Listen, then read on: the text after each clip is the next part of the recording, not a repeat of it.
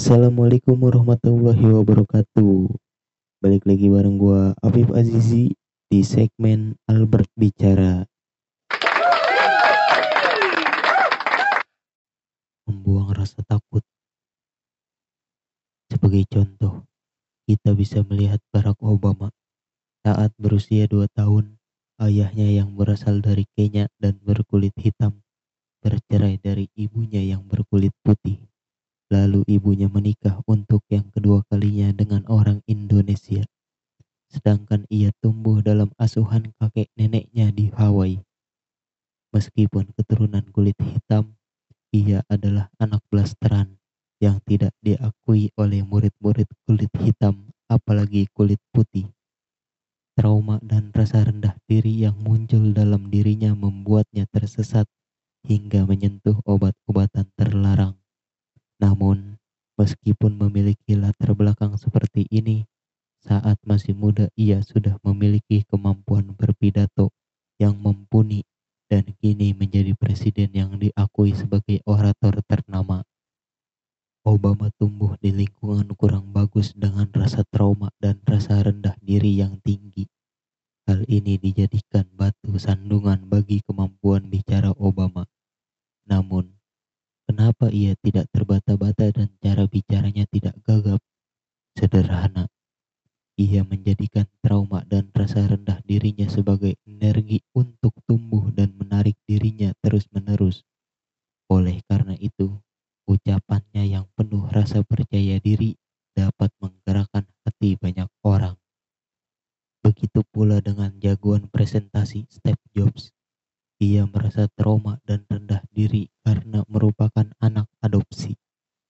Ia pun pernah tersesat dan bersentuhan dengan obat-obatan terlarang. Ia meninggalkan bangku kuliah dan terjun ke dalam bisnis komputer yang tidak terjamin masa depannya. Kehidupannya di bawah rata-rata, seharusnya keadaan ini sudah cukup untuk membuatnya tidak percaya diri dan gagap dalam berbicara. Namun kenyataannya, hal tersebut bukan hambatan bagi Steve Jobs, dan ia menjadi salah satu orang yang paling pandai berbicara di seluruh dunia. Penyebabnya jelas, ia mengubah trauma dan rasa rendah dirinya menjadi semangat menentang. Ia menyintai apa yang dikerjakannya lebih dari siapa pun dan rasa percaya diri terhadap dirinya sendiri sangat besar. Dalam pidatonya di upacara kelulusan Universitas Stanford, ia berpesan agar mencari pekerjaan yang benar-benar disukai. Stay hungry, stay foolish. Keyakinan diri yang kuat seperti inilah yang membuatnya diakui sebagai ahli berbicara secara tegas, lugas, dan jelas. Barack Obama dan Steve Jobs memiliki rasa percaya diri yang tinggi karena berhasil mengatasi trauma dan rasa rendah diri yang disebabkan oleh keadaan mereka yang malang. Inilah yang membuat mereka mampu menjadi pembicara ulung. Rasa percaya diri yang kuat adalah hal utama untuk bisa pandai berbicara. Kita harus terbebas dari luka atau rasa rendah diri yang membuat kita tidak berani berbicara kepada orang lain. Dengan demikian, kita akan dapat berbicara dengan sorot mata tajam dan menyentuh hati pendengar.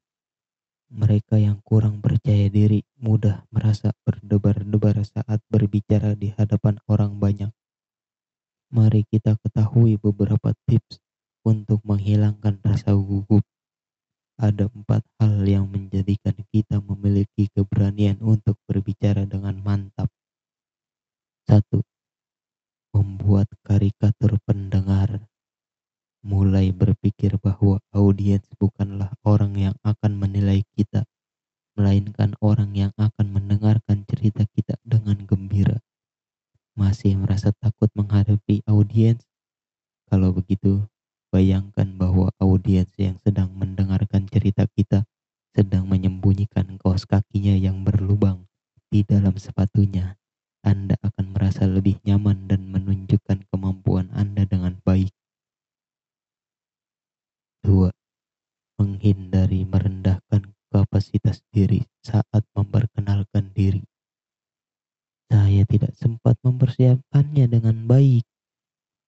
Saya banyak kekurangan, tapi kalimat-kalimat seperti ini tidak berfungsi untuk mengungkapkan rasa rendah hati.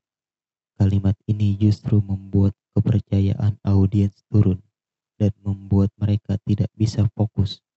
Hal ini membuat kita menjadi lebih gelisah dan tidak bisa lolos dari rasa gugup.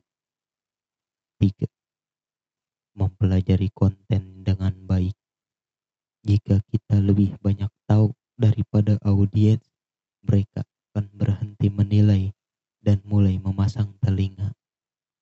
Saat kita menguasai apa yang akan disampaikan, audiens akan melihat dengan sorot mata lembut dan mendengarkan, bukan dengan tatapan menghakimi. Mempelajari konten presentasi akan lebih mudah dalam berbicara. Yang terakhir, keempat, mengucapkan mantra dengan penuh keyakinan. Contohnya seperti ini nih. Aku yang terbaik. Atau hari ini aku akan menyajikan presentasi terbaik. Ya, itulah contohnya. Selalu memantrai diri sendiri dengan ucapan yang meyakinkan untuk merendahkan rasa gugup. Ucapan mantra itu bisa dilakukan dengan membayangkan diri sendiri saat berada di atas panggung.